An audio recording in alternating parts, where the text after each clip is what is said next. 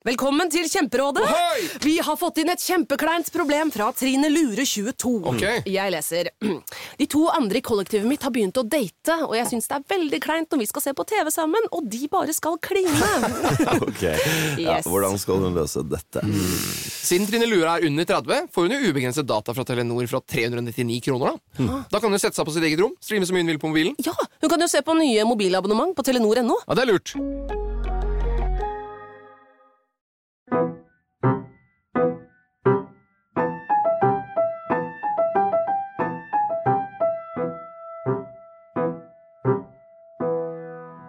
Hei og velkommen til podkasten Frilanslivet, en podkast av min kollega Kristina Skreiberg og meg, Hanna von Bergen. Vårt mål med denne podkasten er å være en faglig og inspirerende kanal for alle dere som jobber for dere selv i medie-, kunst- og kulturbransjen.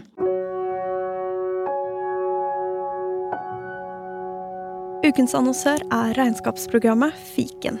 For snart fire år siden så tok Kristina og jeg en kaffe, og det var fordi Kristina spurte om jeg kunne vise henne hvordan jeg bruker fiken. Og jeg ville vise henne hvor lett det er å føre regnskapet selv. Og den kaffen, det var faktisk det som var startskuddet til denne podkasten.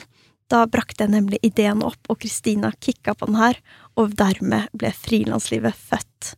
Fiken er et regnskapsprogram vi begge bruker, som vi helhjertet anbefaler til andre frilansere. For akkurat som oss heier de på at små aktører skal lykkes. Vil du prøve fiken gratis i 30 dager? Gå inn på fiken.no. I dag så har jeg tatt turen til Hvaler for å slå av en prat med illustratør Lisa Aisato i hennes hus. Lisa er 40 år og jobber som illustratør, forfatter og billedkunstner. Lisa har gitt ut syv egne billedbøker og illustrert for over 40 andre. Hun illustrerte ukentlig for Dagbladet fra 2009 til 2020, og hennes bøker er oversatt til over 30 språk, og hun har mottatt en rekke priser. Lisa er kanskje mest kjent for illustrasjonene i bøker som Snøsøsteren, Til ungdommen og hennes egen bok Livet illustrert. Hun vant Bokhandlerprisen i 2019, og det var første gang i historien som denne prisen gikk til en visuell bok. Hvordan har Lisa kommet dit hun er i dag? Og hvordan ser hennes skapende prosess ut? Og når har hun det som aller best? Jeg gleder meg til å prate med Lisa om tegning, om å følge sin drøm og om frilanslivets alle sider. Hei, Lisa. Hei, det var veldig fin introduksjon. Nå ble jeg nesten litt sånn Oi, ja, men dette var imponerende. Det er imponerende. jo, jo, jo. Nei, jo takk. Mm. Og Lisa, jeg har forstått at du har tegna hele livet, og som 13-åring uttalt at du vil bli illustratør. Mm. Og du har vokst opp i et hjem med mye fokus på litteratur og på kultur og kreativ utfoldelse. Ja. Hva er det du liker så godt med det å illustrere og male og tegne? Det er et så stort spørsmål, så er det sånn vanskelig å svare helt sånn smart og intelligent på. men, men jeg syns jo det er veldig spennende at et, et hvitt ark kan bli til noe som vekker sterke følelser. På en måte. At man kan skape noe på det arket som kan fortelle noen noe i en innsikt, eller eh, man kan få til en følelse som smitter over på andre. Enten om det er eh, sorg eller melankoli eller glede eller noen type humor. Jeg syns det er fascinerende, da. Den prosessen fra det hvite arket til det som ja, utstråler et eller annet som man har hatt i huet sitt. Det syns jeg er kult. Og hva tror du gjør at liksom, den uttrykksformen passer så liksom, godt til deg? For det virker som du fant tegning veldig tidlig. Mm. Jeg vet ikke helt hvorfor det ble som det har bare falt helt naturlig. Og det er sånn med veldig mye i livet mitt, at jeg har ikke planlagt så nøye, det har bare Brikkene har bare falt på plass på den måten at eh, jeg er her i dag, da. Jeg har liksom eh, Ja, jeg skrev det i den stilen at jeg ville bli illustratør, men jeg så ikke for meg noe sånn voldsom karriere, eller Jeg tenkte kanskje man kan leve av å tegne, liksom. Det hadde vært kult. Men eh, hvorfor det akkurat ble tegning som ble min uttrykksform, det er jeg ikke helt sikker på. Jeg var inne på sånn eh, maskør på teater og sånn, for jeg var med i et amatørteater, og da var det alltid, da sminka jeg mye og sånn, syntes det var veldig gøy, da. Og syntes jeg det var gøy med sånne spesialeffekter i film. Nå er jo mye digitalt, men sånn på 80- og 90-tallet så lagde man jo liksom eh, den derre varulvmaska til Michael Jackson, lagde de jo fysisk, liksom. Så sånne ting syns jeg også var veldig gøy, da. Men det handlet jo alltid om å skape noe visuelt, da. Så det kom liksom tilbake til det, og da var tegning liksom liksom det mest nærliggende. Og kan du gi oss litt innblikk, eh, for nå sitter vi jo inne i ditt hus, men ved siden av ditt hus så har du ditt atelier, så du jobber hjemmefra. Um, kan du gi oss et lite innblikk i din arbeidshverdag? Hvordan Ja. du legger opp eh, dagene? Det, det har jo forandret seg litt nå det siste, eller etter korona egentlig. Og koronaen kom samtidig med at jeg begynte å få vondt i høyrearmen, som har vært litt sånn krisestemning for meg egentlig. Så jeg har vært i masse kontroller og finner egentlig ikke ut av det. Derfor jobber jeg litt mindre nå enn jeg gjorde før. Men eh, før kunne jeg perioder eh, ja, stå på morgenen og få ungene av gårde på skolen, og så hvis jeg hadde en stram deadline eller så at jeg trengte å jobbe mye, så kunne jeg jobbe ja, fra klokka åtte til klokka elleve på kvelden, da. Jeg og Einar bare tok ungen og lagde mat og holdt på, liksom. Satt jeg bare i bobla mi og tegna og tegna og tegna. Tegna. Og det var veldig deilig, men også ganske slitsomt. Og så blir jeg ikke helt sånn Jeg blir, ikke noe, jeg blir kanskje ikke så hyggelig menneske å være rundt. Fordi jeg er så veldig i min egen verden. Uh, og så ja, jeg ble sliten av det i lengden og gikk glipp av på en måte en del ting.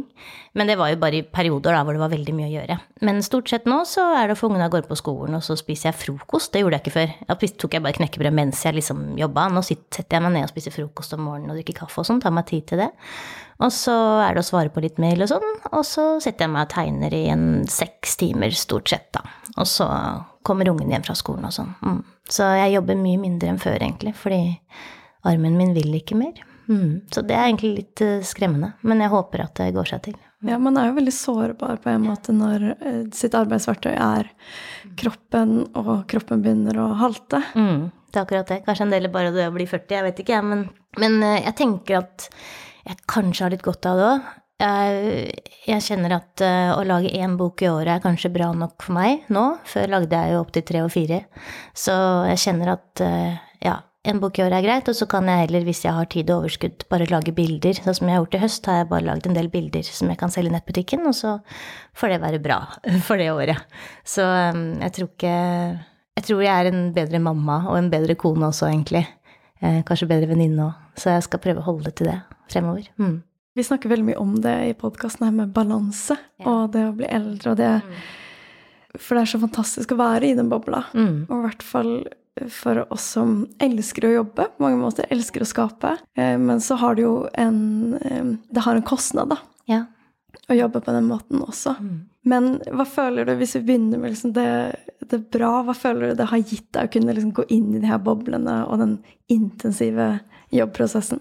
Nei, det er jo Når jeg ser tilbake på det jeg har skapt siden jeg starta som illustratør, så syns jeg jo egentlig at det er kult at jeg har klart å lage så mye. Og jeg får jo stadig høre sånn 'Å, du er så produktiv', sier folk til meg. Og jeg, det er jo fordi jeg har jobba jævlig mye, da. Rett og slett.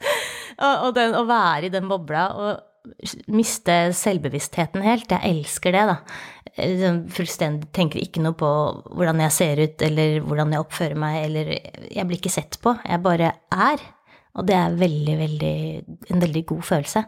Um, det er liksom bare streken og hånda og kanskje en podkast på øret som, som er det som fins i, i min verden akkurat da. Og det er et utrolig digg sted å være. Um, men det er klart at uh, ja, man ofrer litt også. Um, og jeg kan jo slite sosialt etter å ha vært i en sånn boble lenge. Åssen er det man snakker med folk igjen, på en måte? Jeg, så, jeg mister, ja, mister meg sjøl litt, da. Og det er digg, men også litt vanskelig. Mm. Hva gjør det for å komme i flyt? Ja, nei, det er egentlig mm, jeg kan, jeg kan tenke mange ganger 'nå skal jeg komme i flyt', og så gjør jeg ikke det. Så det er ikke det er ikke så godt å vite hva jeg gjør. Det er bare å og hvis jeg har en idé eller har en tekst og skal visualisere den, at jeg, at jeg kjenner at nå er jeg på rett sti.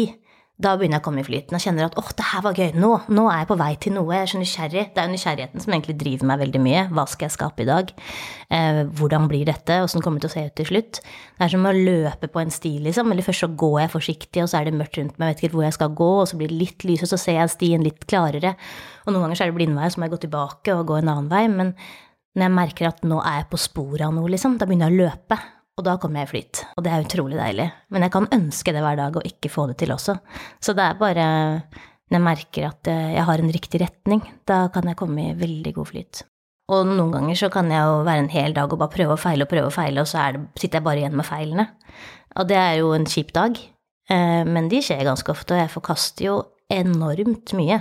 Mye mer enn det som faktisk eh, vises, da. Eller sånn antall tegninger. Så, så jeg har jo dager hvor mye blir forkastet, og det er jo en drittdag, selvfølgelig. Eh, men, men samtidig tenker jeg at eh, da har jeg prøvd alle de blindveiene, så da kan det ikke være så mange blindveier igjen, liksom. Eller så må jeg noen ganger bare forkaste hele ideen, da, og prøve noe helt nytt. Mm. Så ja. Nei, det kommer vel an på om jeg har en god idé, på en måte. Mm. Mm. Og jeg har lest et sitat fra deg som er um, et intervju med KK, eh, der du har sagt at eh, da jeg startet i 2008, så tenkte jeg at det blir lettere med åra. Men det har blitt vanskeligere. Og jeg har mer selvtillit på at jeg kan lage noe, men samtidig er jeg mye mer selvkritisk. Mm. Fortell. Det er veldig riktig. Jeg hadde en sånn idé Altså, herregud, som 19-åring tenkte jeg jo at som 25-åring skjønner jeg mye mer av verden, og så, ja, så blir det bare sånn forskyver seg hele veien. Men jeg har begynt å miste troa på at jeg kommer til å bli så mye sånn jeg vet ikke, ha bedre selvtillit eller være så mye klokere som 50-åring enn 40-åring. Jeg tenker at man har mer erfaringer.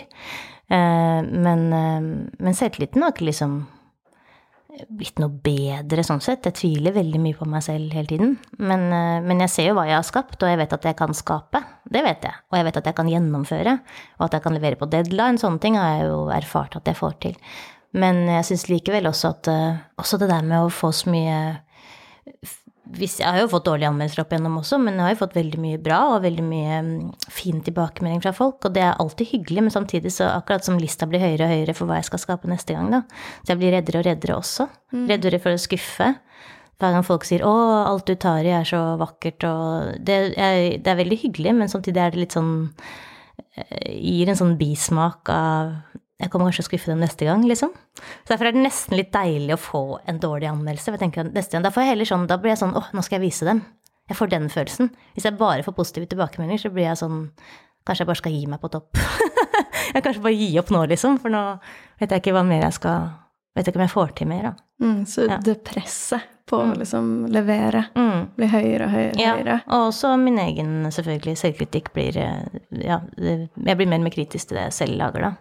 Og det tror jeg mange kan kjenne seg igjen i òg, som nettopp er det som er litt skummelt med hatt eh, altså såkalt suksess. Mm. Eh, hvis man har gjort det veldig bra, gitt ut veldig mm. mye bøker, havna på topplister, mm. hva enn vunnet priser, så er jo fallhøyden Ja, desto eh, større. Eh, desto større. ja.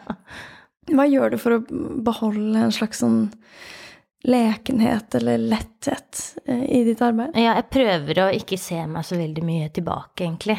Jeg prøver å, å, å finne tilbake til den der eh, gleden og nysgjerrigheten på hvor streken skal gå, bare. Hva skal jeg lage i dag, greia prøver å ikke tenke på mottakeren. Når jeg leste, jeg leste en eller annen ikke var kronikk eller blogg eller en eller annen som skrev om barnebøker, og skrev at forfatteren eller illustratøren, må være veldig nøye på hvem som er mottakeren, og vite hvem de snakker til og sånn. Og der er jeg helt Jeg tenker veldig sjelden på mottakeren. Jeg tenker på det jeg Hva syns jeg er interessant? Hva syns jeg er spennende? Hva har jeg lyst til å lage. Og så håper jeg noen liker det der ute, på en måte. Jeg kan ikke gå og tenke på mottakeren, for at mottakerne er jo alt mulig forskjellige, alle mulige forskjellige mennesker som har forskjellige erfaringer og forskjellige følelser. Eh, så det går ikke. Så, så jeg Og barna er også forskjellige, liksom. Så hvis man lager barnebøker, da. Så, så jeg prøver å finne tilbake til den gleden som bare er ved å skape, da. Og, og egentlig blir veldig Prøver å være mer selvsentrert, egentlig. Hva liker jeg? Hva syns jeg er gøy? Og da finner jeg litt tilbake til gleden, da. Og tenker ikke så mye på at det skal ut i verden, egentlig, for da blir jeg bare livredd. ja, og kanskje det her du sa med at du blir litt redd for at folk ikke skal like det, eller mm. at det er jo litt, handler litt om den prosessen også. Å klare å Absolutt. skyve de bort, kanskje. Ja, ja. Og tenke at ja, men nå lager jeg noe for meg ja. som jeg liker, og det er det viktigste. Jeg tror jeg må gjøre det, altså. For ellers så ja, eller så går det ikke. Det er akkurat som, Jeg har hørt også en eller annen sånn si at eh, på Facebook også har vi, vi mennesker er skapt for å ha så og så mange bekjentskaper. Vi klarer ikke å forstå at liksom så mange mennesker eh, kan Vi klarer ikke å Altså, andres blikk, da. Kan, jeg kan ta inn sju-åtte personers blikk, men jeg klarer ikke å ta inn 100 000 menneskers blikk. Det går ikke. Og da kan jeg like gjerne bare kutte ut alle, da, og bare tenke på mitt blikk. Det er nesten bare det jeg må gjøre.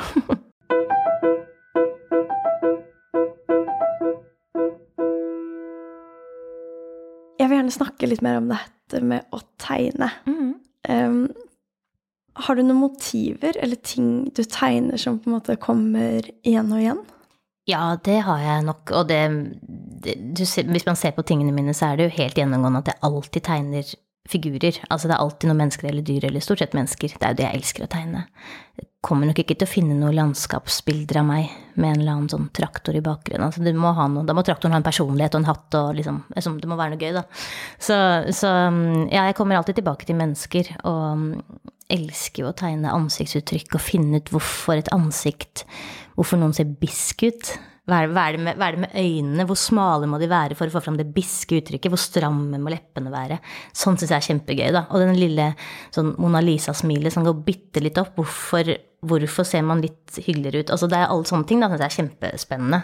Hvordan skal man tegne sjalusi i et øye, på en måte? Hvor mye må man skule? Sånne ting. Jeg elsker å sitte og holde på med sånne små millimeterting i ansiktet, da. Det er det jeg liker aller best, tror jeg. Da, er det, da koser du deg. Da koser jeg meg glugg, ja. Deilig. Men også forresten også sånn kroppsspråk, da. Jeg syns også det er veldig veldig spennende. Eh, hvis man skal tegne en person som står rett opp og ned, hvis man tar hodet litt lenger ned, eh, lenger foran kroppen, eh, hvordan hendene om de er slappe, om de er knyttet, om de står litt ut sånn. Det uttrykker veldig mye. Og sånne små ting syns jeg også er gøy, da. Så kroppsspråk og ansiktsuttrykk syns jeg er det aller gøyeste å tegne. Er du en som liker å observere? Jeg gjør nok det. Jeg gjør nok det, altså. Men jeg prøver ikke å glo, liksom. Men jeg er også fascinert av hvorfor eh, altså Det er jo litt rart å si, jeg er jo heterofil, men jeg er ganske fascinert av vakre mennesker også. Både mennesker som ser rare ut, eller rynkete mennesker, eller eh, folk med rare holdninger, eller sånt noe. Men jeg synes sånn Hvorfor er noen pene? Uh, og da er det mer jenter jeg ser på. Jeg vet ikke hvorfor, men jeg syns ofte jenter er penere enn gutter. Så av og til hvis jeg ser en pen jente på trikken, så kan jeg liksom tenke hvorfor er hun så pen? Hva er det som gjør henne så pen? Hun har jo to øyne og en nese og en munn, liksom. Hvorfor er hun så pen? Og da kan jeg bli litt sånn gloete, altså. Eh, men særlig neser også er jeg veldig fascinert av. Særlig profil, da. Liten knekk eller liksom eh, hvor kurven går. Sånne ting kan jeg stirre mye på. Og sikkert bruke. Selv om jeg sitter ikke og tar aldri med meg kyssebok på trikken, jeg. Men jeg, jeg lagrer nok på harddisken, og så bruker jeg den nesa seinere. Ja, det er nesten litt sånn sosialantropologisk Ja, ja, ja. studie Ja. gjennom tegning. Ja, jeg vil si det, altså. Mm. Ja. Ja, det er gøy. Det er mye artige, artige figurer. Særlig sånn stå og vente på trikk og buss. eh, Da ser man mye morsomme holdninger og kroppsfasonger, og det er gøy. Det liker jeg. Mm. Og du tegner jo også et mangfold i dine bilder. Mm. Altså, det er jo gamle og unge, det er skrukkete, det er Mhm. liksom eh, Det er ulike kulturer. Ja, ja. Um, Og så bare si også at det at jeg Unnskyld at jeg avbryter, men det er fascinert av med pene mennesker Hvis jeg skal tegne et pent menneske, jeg syns jo det er veldig kjedelig. Så da må det pene mennesket ha et eller annet som gjør at noe blir litt off. Altså et stort glipp mellom fortenna, eller et eller annet som gjør at eh, det blir mer personlighet der. Jeg hater å tegne glatte typer, liksom. Det er kjedelig. Så da må man ha et eller annet som gjør at noe får en brodd, da. Men det bare, ja, men ja, ja, det var bare å si det. men ja, et mangfold liker jeg veldig godt å tegne. Ja. ja. Mm.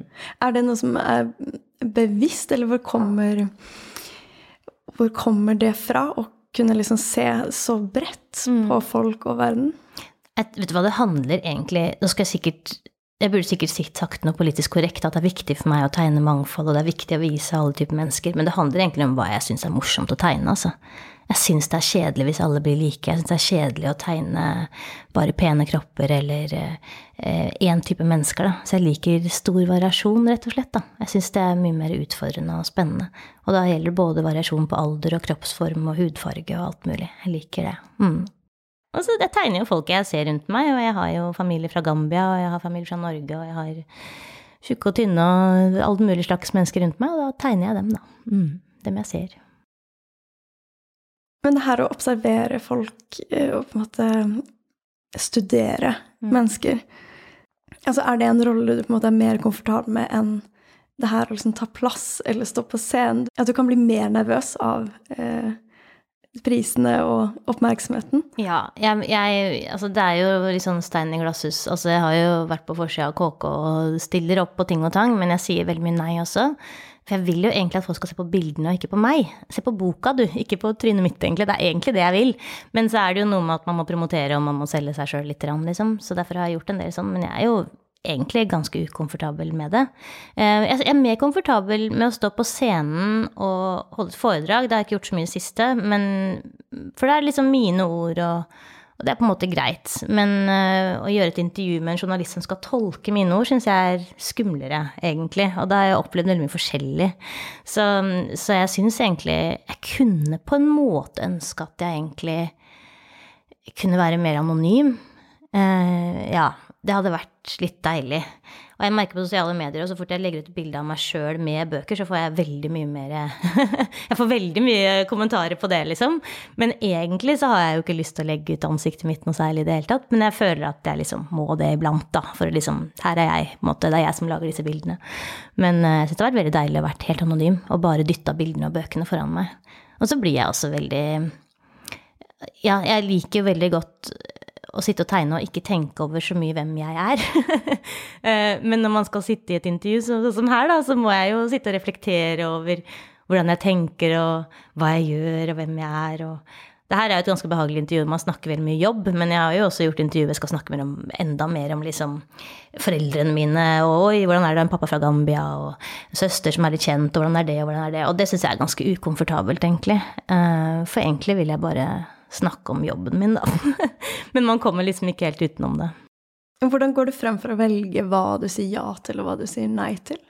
Ja, det har forandret seg veldig, da. Eh, da jeg starta i 2008, så sa jeg jo bare ja til alt, egentlig. Jeg tenkte nesten ikke på. Jeg var jo opptatt av å få betalt. Eh, det var ikke sånn dugnadsarbeid. Jeg ble jo spurt om mye av det, dessverre, men jeg sa jo, sa mye nei. Men, men, eh, da sa jeg ja til det meste. Og så har jeg sagt mindre og mindre ja etter hvert, da. Og nå sier jeg nei til sånn vet ikke, sikkert 95 altså. Ja. Så ja, jeg er på et veldig heldig sted nå, hvor jeg får veldig mye. Men nå kommer det så mye fra utlandet, mer og mer. Mange av bøkene mine har kommet ut i utlandet, og så har jeg veldig mange følgere, særlig på Instagram, fra utlandet. Og de, de Altså, jeg får så mye spørsmål om å tegne barn, og, og veldig mye Det er også vanskelig å svare på. mye sånn Mannen min døde forrige uke, kan du tegne portrett av han? Jeg får veldig mye sånne wow. ting. Ja, det er litt heftig, egentlig.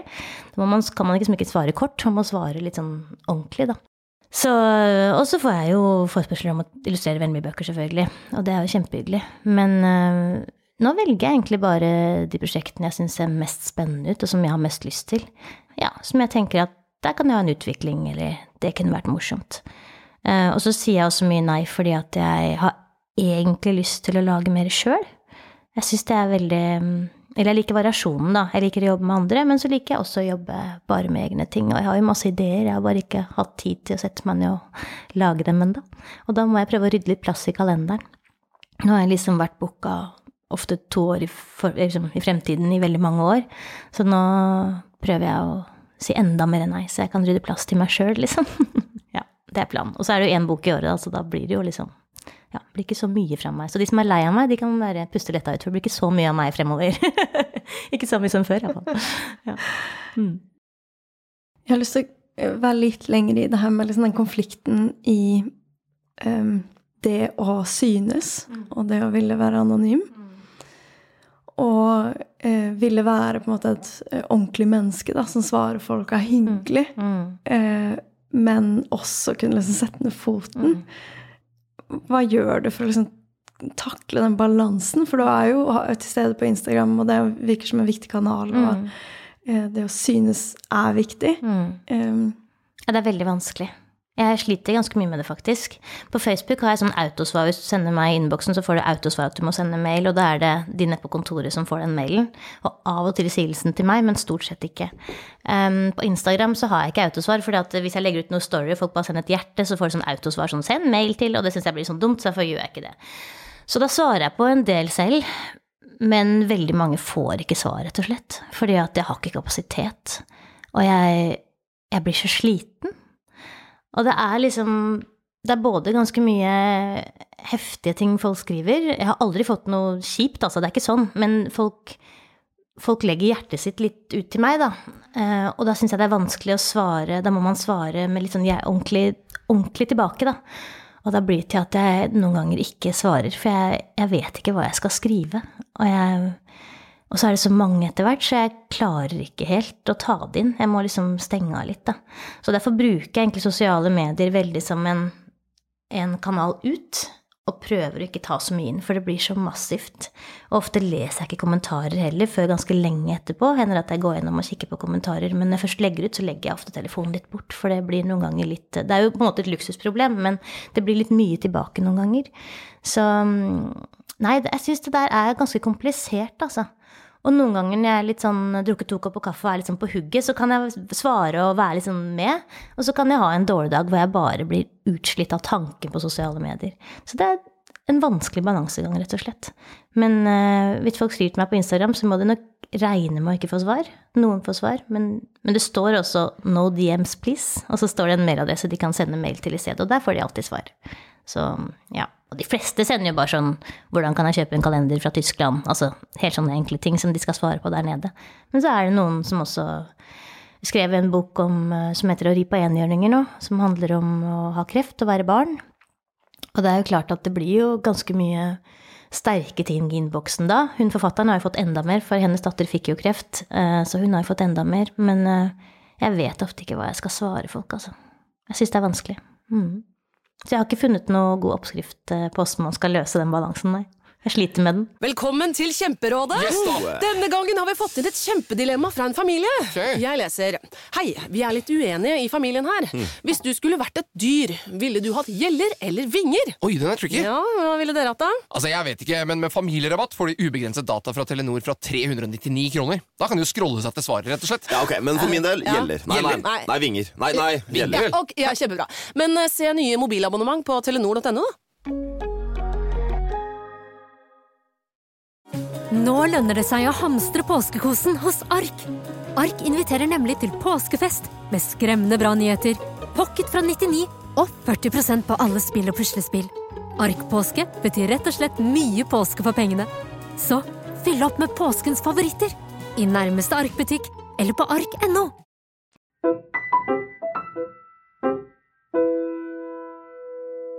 Jeg har lyst til at vi skal liksom spole litt tilbake. Mm.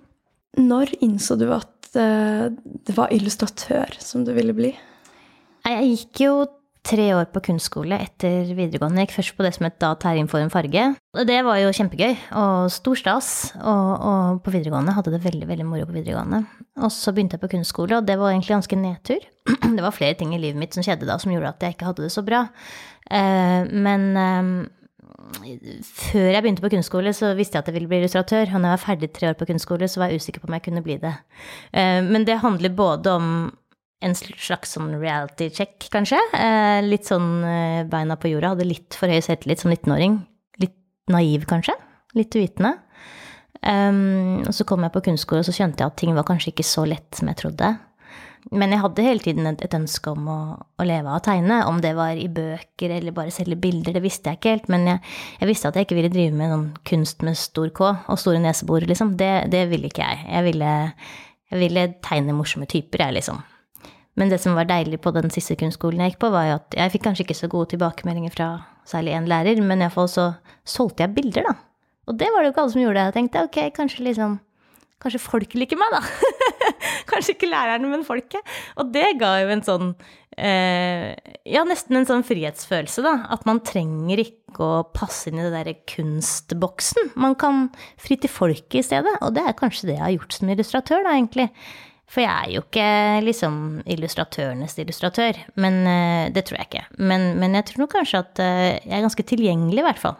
Og folk, folk liker meg, og det er jeg glad for. Hvordan var den følelsen når du solgte? Nei, det var helt, eh, helt vanvittig første gang jeg solgte mitt, eh, ja, mitt første bilde, da.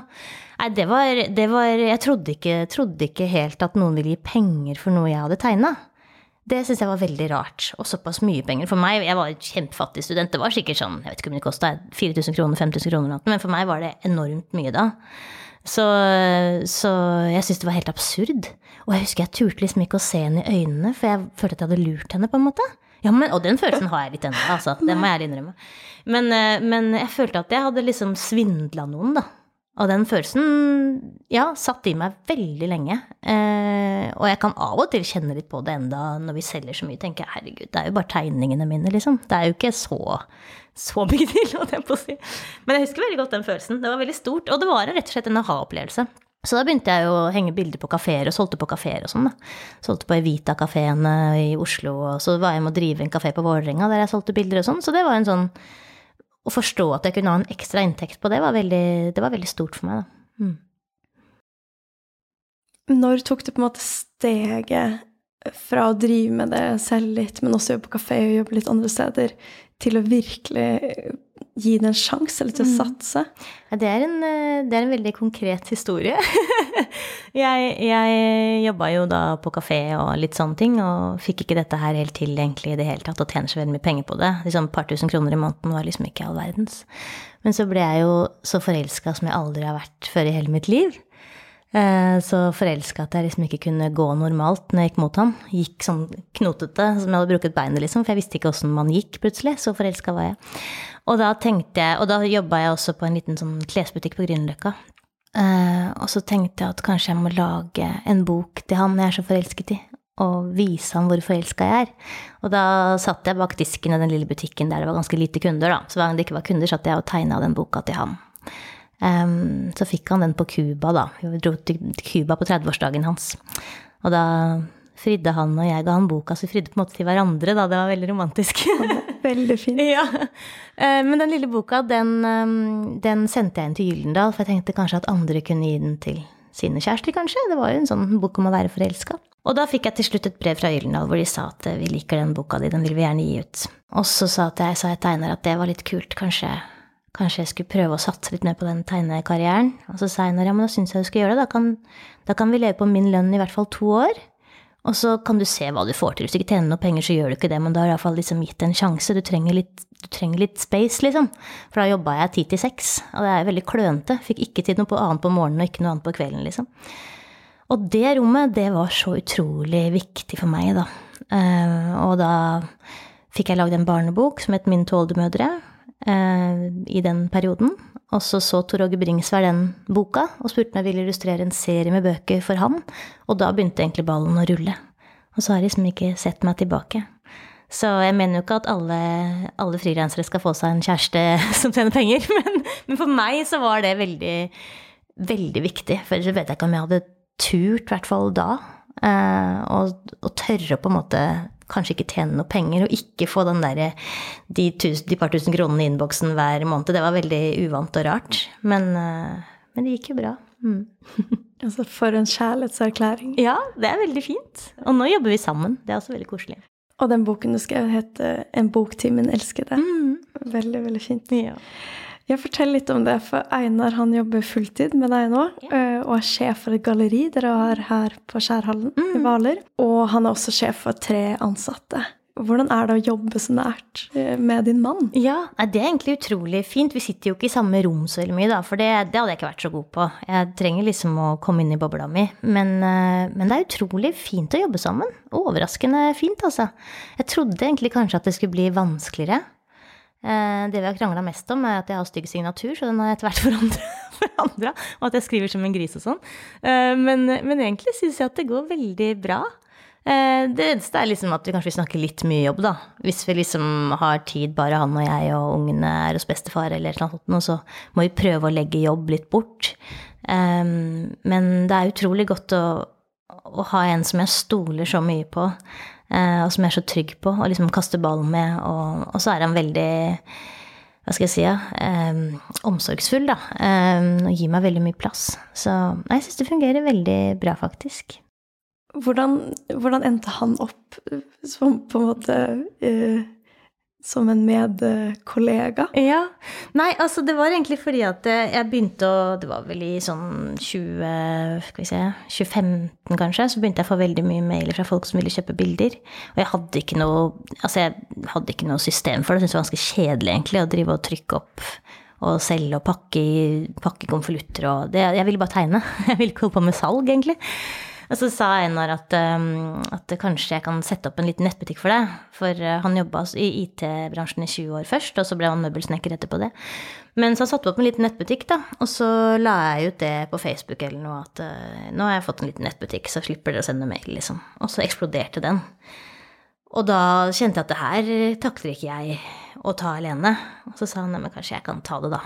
Og så ble det bare mer og mer, så egentlig måtte han bare velge. Enten måtte han legge ned nettbutikken, eller så måtte han slutte i jobben sin.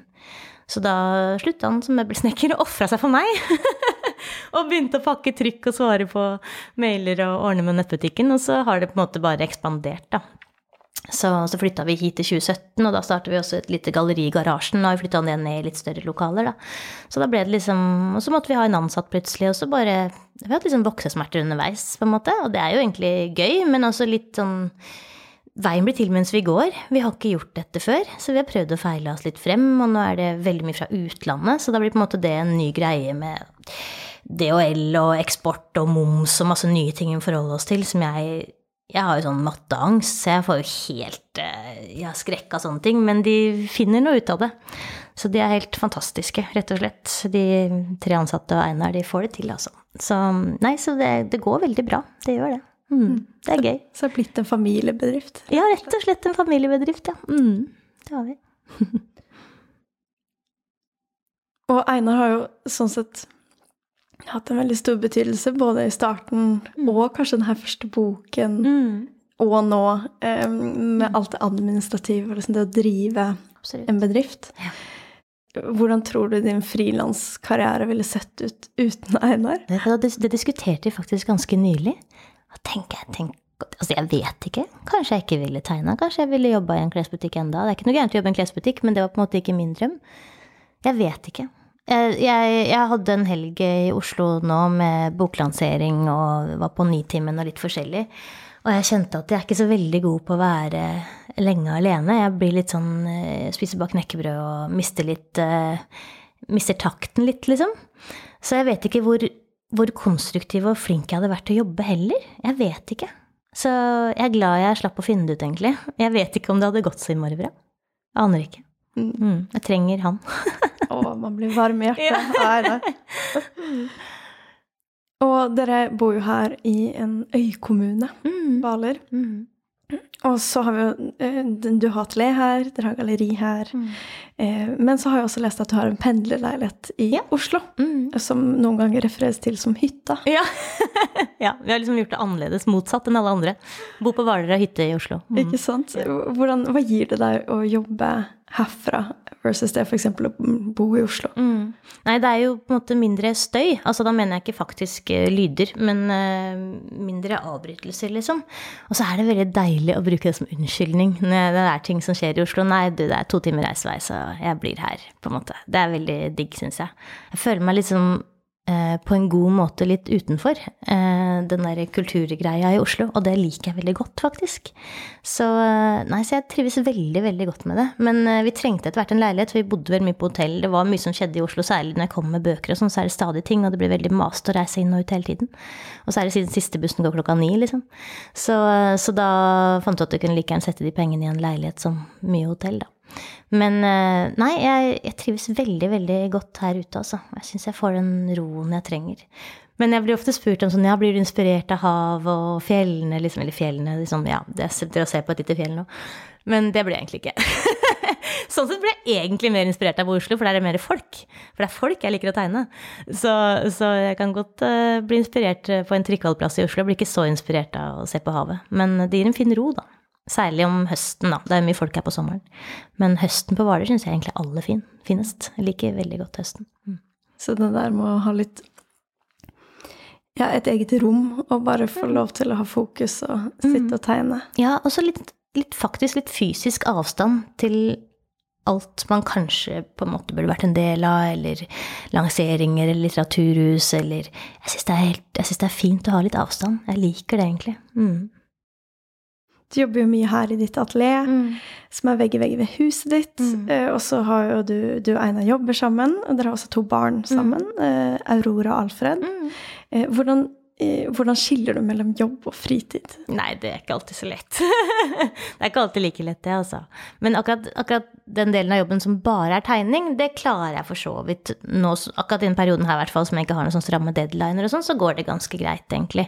For da står jeg på morgenen, og så går jeg ut der og jobber, og så gjør jeg meg ferdig som, ja, med dagen sånn i tre-fire-tiden, liksom. Det er liksom greit. Men alt det andre som også er en del av jobb, eh, som er eh, forespørsler, som er eh, Nå har jeg noe puslespill, det har vært noe greier. Altså det er mye sånn andre ting som Det er vanskeligere. Særlig når det tikker inn mailer sånn klokka seks på kvelden, og man står og leser mail mens man lager middag. Jeg, har, jeg er ikke noe flink til det, så jeg burde egentlig bli flinkere til å legge bort eh, Egentlig burde jeg hatt liksom mail kanskje bare på eh, Mac-en min, og ikke på telefonen, f.eks. Det er vanskelig å få til. Men, eh, men eh, jeg merker at jeg har problemer med det. Og kanskje også særlig fordi vi jobber sammen, så blir det mye prat om jobb, altså, som på kveldstid og sånn. Og det er kanskje ikke helt bra. Men eh, ja. Nei, jeg er ikke så flink til å skille på det. Burde jobbe mer med det. Kristine har eh, bare Instagram på en gammel telefon, og ikke på hennes nye telefon. smart, ja. Så den der, litt sånn akkurat som du snakker om med fysisk avstand til Oslo. Ja, ja, ja. Mm. Folk, så tror jeg man må forholde seg litt likt til det med mail og sosiale medier. Må Og nå tenkte jeg ikke på sosiale medier som jobb engang, men det er jo egentlig en del av jobben, det òg. Jeg bruker det jo bare til jobb, egentlig. Mm. Og det kommer jo i tillegg. Og det, det gjør jeg hele døgnet, egentlig. Det er ikke helt bra, ass. Siste før jeg legger meg, så scroller jeg gjennom og burde bare slutte. Jeg vet. Ja, jeg er tenker på det samme. Jeg gjør, jeg gjør det samme. Ja. Eh, Når syns du Jeg tenker siden du eh, havner i den her veldig intense bobla og Mm. har likt det veldig godt mm. Når er det på en måte vanskelig å være frilanser og mamma? Ja. Det var vanskeligere før, syns jeg. Jeg jobbet, eh, da jeg jobbet veldig mye og ungene var mindre. Eh, nå syns jeg det er lettere, både fordi de, nå er de snart 9 og 11, um, og jeg jobber mindre. Så syns jeg er en bedre mamma at jeg er mer til stede nå enn en før, da. Men eh, jeg satt jo og amma Alfred mens jeg tegna til Dagbladet, og det var jo helt kaos, egentlig. Det var det, altså. Det var ikke helt bra, liksom. Så jeg syns jeg var en dårlig mor, særlig den sommeren jeg jobba både med Til ungdommen og Snøsøsteren, så var jeg ikke til stede, egentlig, i barnas liv den sommeren. Og det er ikke noe kult å tenke på nå. Eh, men så tenker jeg ja, det kommer nye somre, liksom. Men, eh, men da har de en annen alder, da. så nei, jeg har jo ofra litt, rett og slett. Og det har vært en vanskelig balanse ofte. Men uh, nå har jo på en måte armen min satt en stopp for, rett og slett. Eh, og så tenker jeg også den koronaperioden vi har vært gjennom nå, har egentlig vært ganske bra for vår familie. Jeg reiste mye mer rundt før. Um, holdt foredrag og farta rundt, og ungene har sett det foredraget mitt 100 ganger og er drittlei. Kan det utenat, liksom. Um, og, og jeg dro på skoleturneer og gjorde veldig mye sånn. Og det, det gjør jeg ikke lenger. Både fordi eh, Jeg kan sikkert holde et foredrag igjen, det er ikke det. Men jeg har mista litt eh, interessen, for å være helt ærlig. Jeg sitter og snakker om meg sjøl, men jeg er litt lei av å snakke om meg sjøl, egentlig. Eh, og, så, eh, og så kjenner jeg at det krever veldig mye mer av meg enn jeg egentlig syns jeg får igjen. En stund syntes jeg det var gøy å få til å mestre det, og så følte jeg at jeg mestret det, og da, da etter hvert skjønte jeg ikke helt hvorfor jeg skulle gjøre det mer, på en måte. Eh, så, så jeg er mye mer hjemme, og det er veldig godt, egentlig.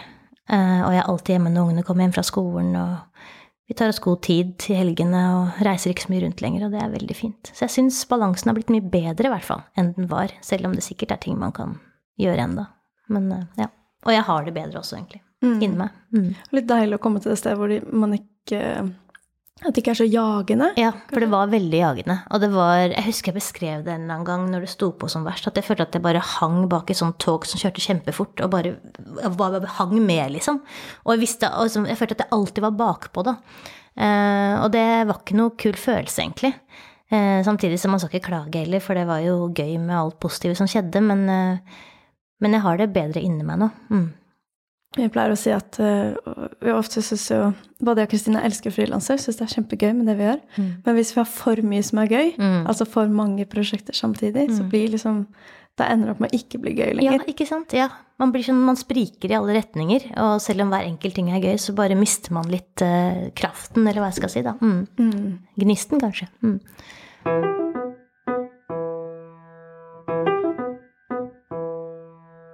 Du jobba fast i Dagbladet, som jeg nevnte i introduksjonen, i elleve år Mm. eh, som illustratør mellom 2009 til eh, 2020. Mm. Og der hadde du faste deadlines hver eneste uke. Mm. Altså, hvordan var det å kombinere det å frilanse med alt annet, med å Mm. lage bilder og bøker, og det å ha denne her faste jobben, da? Nei, det var egentlig både gøy og vanskelig, men det var som en tikkende klokke hele tiden. Så hver onsdag skulle jeg levere, og noen ganger fikk jeg tekstene sent, noen ganger fikk jeg dem tidlig, men den klokka tikka hele tiden, så når jeg først hadde levert, så var jeg sånn Ok, det er en ny tekst, ja. ok. Så det var, det var veldig deilig å slutte, og den klokka slutta å tikke. Det var helt sånn merkelig følelse. For jeg, sånn, jeg skulle liksom noe på onsdag. Nei, jeg skal ikke noe på onsdag. Jeg skal ikke levere. Det var helt fantastisk deilig. Så, men, men jeg syns likevel at det å, å, på en måte presse ut av seg en illustrasjon hver uke var kjempebra for meg. Um, og det er også det som folk viser inn og syns er så produktivt, for at jeg har laget så utrolig mange illustrasjoner. Um, men det er jo fordi man må, da. Og jeg leverte jo fra meg ting jeg ikke var fornøyd med, eller som var halvferdig også, fordi jeg måtte bare levere. Og så har jeg også levert fra meg ting som er bestselgerne våre i nettbutikken nå, liksom. Fordi man bare må levere, da.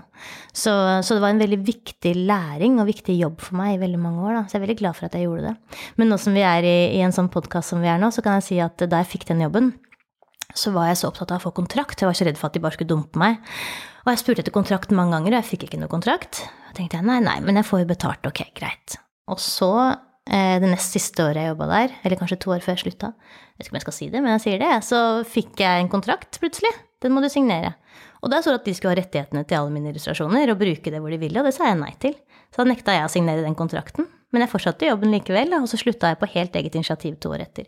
Så jeg fikk aldri noe kontrakt med Dagbladet, faktisk. Så det er egentlig ganske rart. Etter elleve år så skrev vi aldri noe kontrakt. Ja, det er skjerpings Dagbladet. Ja, ja, men samtidig er jeg veldig glad for at jeg ikke signerte noe den gangen jeg var ung og lovende, holdt jeg på å si. For da kunne jeg plutselig mista rettighetene til alt det jeg har levd godt på siden, da.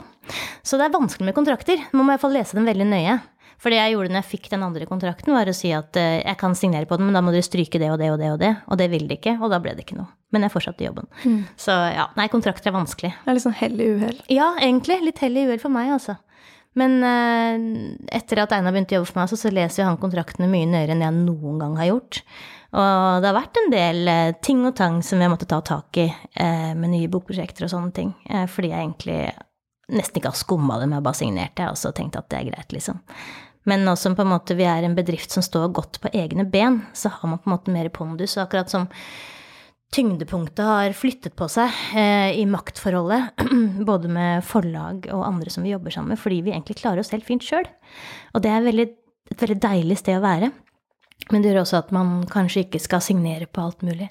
Så jeg prøver å være nøyere. Men jeg blir sånn dyslektisk når jeg leser kontrakter, altså jeg er veldig dårlig på det. Så jeg lener meg på Einar igjen, da, vet du. Ja. Han som tar det. det er fint. Mm. Og du jobba der i elleve år, eh, og slutta i fjor. Mm. Hva var grunnen til at du valgte å si opp den jobben? Ja. Nei, det var rett og slett fordi jeg har illustrert mange forskjellige eh, temaer, mange forskjellige personer opp igjennom. Og jeg likte veldig godt den variasjonen. Både litt om skole, litt om samliv. Eh, Stoltenberg som skrev om det å bli eldre og ikke forstå sosiale medier. Altså alt mulig forskjellig. Men plutselig skulle det bare bli sex og samliv. Og kun det. Og det syns jeg rett og slett ble litt monotont, for jeg hadde gjort det ganske mye allerede. Og syntes det var gøy, men jeg liker variasjon, rett og slett. Så når det ble fire spaltister om det ble en sex- og samlivsspalte, så kjente jeg at jeg tror ikke jeg har noe mer å gi der, på en måte. Jeg gjentok meg selv ganske mye, og syns ikke jeg klarte å komme på nye ideer til de samme temaene om igjen og om igjen om igjen. Så derfor så ga jeg meg. Mm. Mm. mm. Tiden var Tiden var moden for å gi seg, ja. Mm. Og så kjente jeg også at uh, jeg syntes det var deilig å stilne den tikkende klokka, egentlig. Mm. Jeg har hørt um, at du en gang illustrerte en artikkel til Dagbladet som handler om målsetting. Og om å alltid strekke seg etter høyere mål. Mm. Og så syns jeg det var så fint, for du sa at det her er du dypt uenig i. Ja. Um, at man skal liksom være tilfreds der man er. Og mm. det syns jeg var, var veldig sånn fin uh, fin refleksjon. Ja, Vil du utdype, utdype, litt? Ja, det var vel han eh, Erik Bertram Larsen som skrev den teksten. Han eh, har vel gått ut senere og sagt at han ikke var på så godt sted den perioden, så jeg vet ikke om han var så enig, om han er så enig sjøl lenger, det han skrev den gangen. Men ja, nei, men jeg har aldri vært så veldig eh, opptatt av å nå nyere, høyere mål hele tiden, jeg. Ja. Eh, som sagt, så fra jeg var ferdig på kunstskolen, så hadde jeg bare en drøm om å leve av å tegne, og trengte ikke å tjene mer enn jeg vet ikke, 300 000 i året. Jeg, liksom, jeg, bare jeg som kunne betale en husleie og ha det greit, på en måte. Så jeg har aldri hatt noe voldsom drøm om å vinne noen store priser, eller uh, Jeg vil bare egentlig Å være lykkelig er så Det er mer stikk av lykke man får, men jeg vil bare være tilfreds, på en måte. Og jeg kjenner meg mer tilfreds nå enn for noen år siden, egentlig. Så Nei, så jeg har ikke noe behov for å strekke meg etter nye høyere mål, altså. Målet mitt er egentlig bare å ha det helt ålreit. det er mitt mål. Mm. Ja, det er veldig fint. Tusen takk for at jeg fikk komme hit og ha denne praten med deg, Lisa. Det var veldig fint. Takk for at du kom. Tusen takk til Grafill for tilskudd til denne podkasten. Grafill er en organisasjon for alle som arbeider eller utdanner seg innen design og illustrasjon.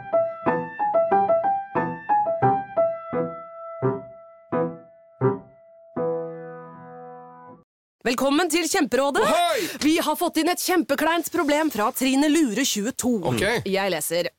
De to andre i kollektivet mitt har begynt å date, og jeg syns det er veldig kleint når vi skal se på TV sammen, og de bare skal kline. Ok, ja, Hvordan skal hun løse dette? Siden Trine Lure er under 30, får hun jo ubegrenset data fra Telenor fra 399 kroner. Da Da kan hun sette seg på sitt eget rom, streame så mye hun vil på mobilen. Ja, hun kan jo se på nye mobilabonnement på telenor.no. Ja, det er lurt.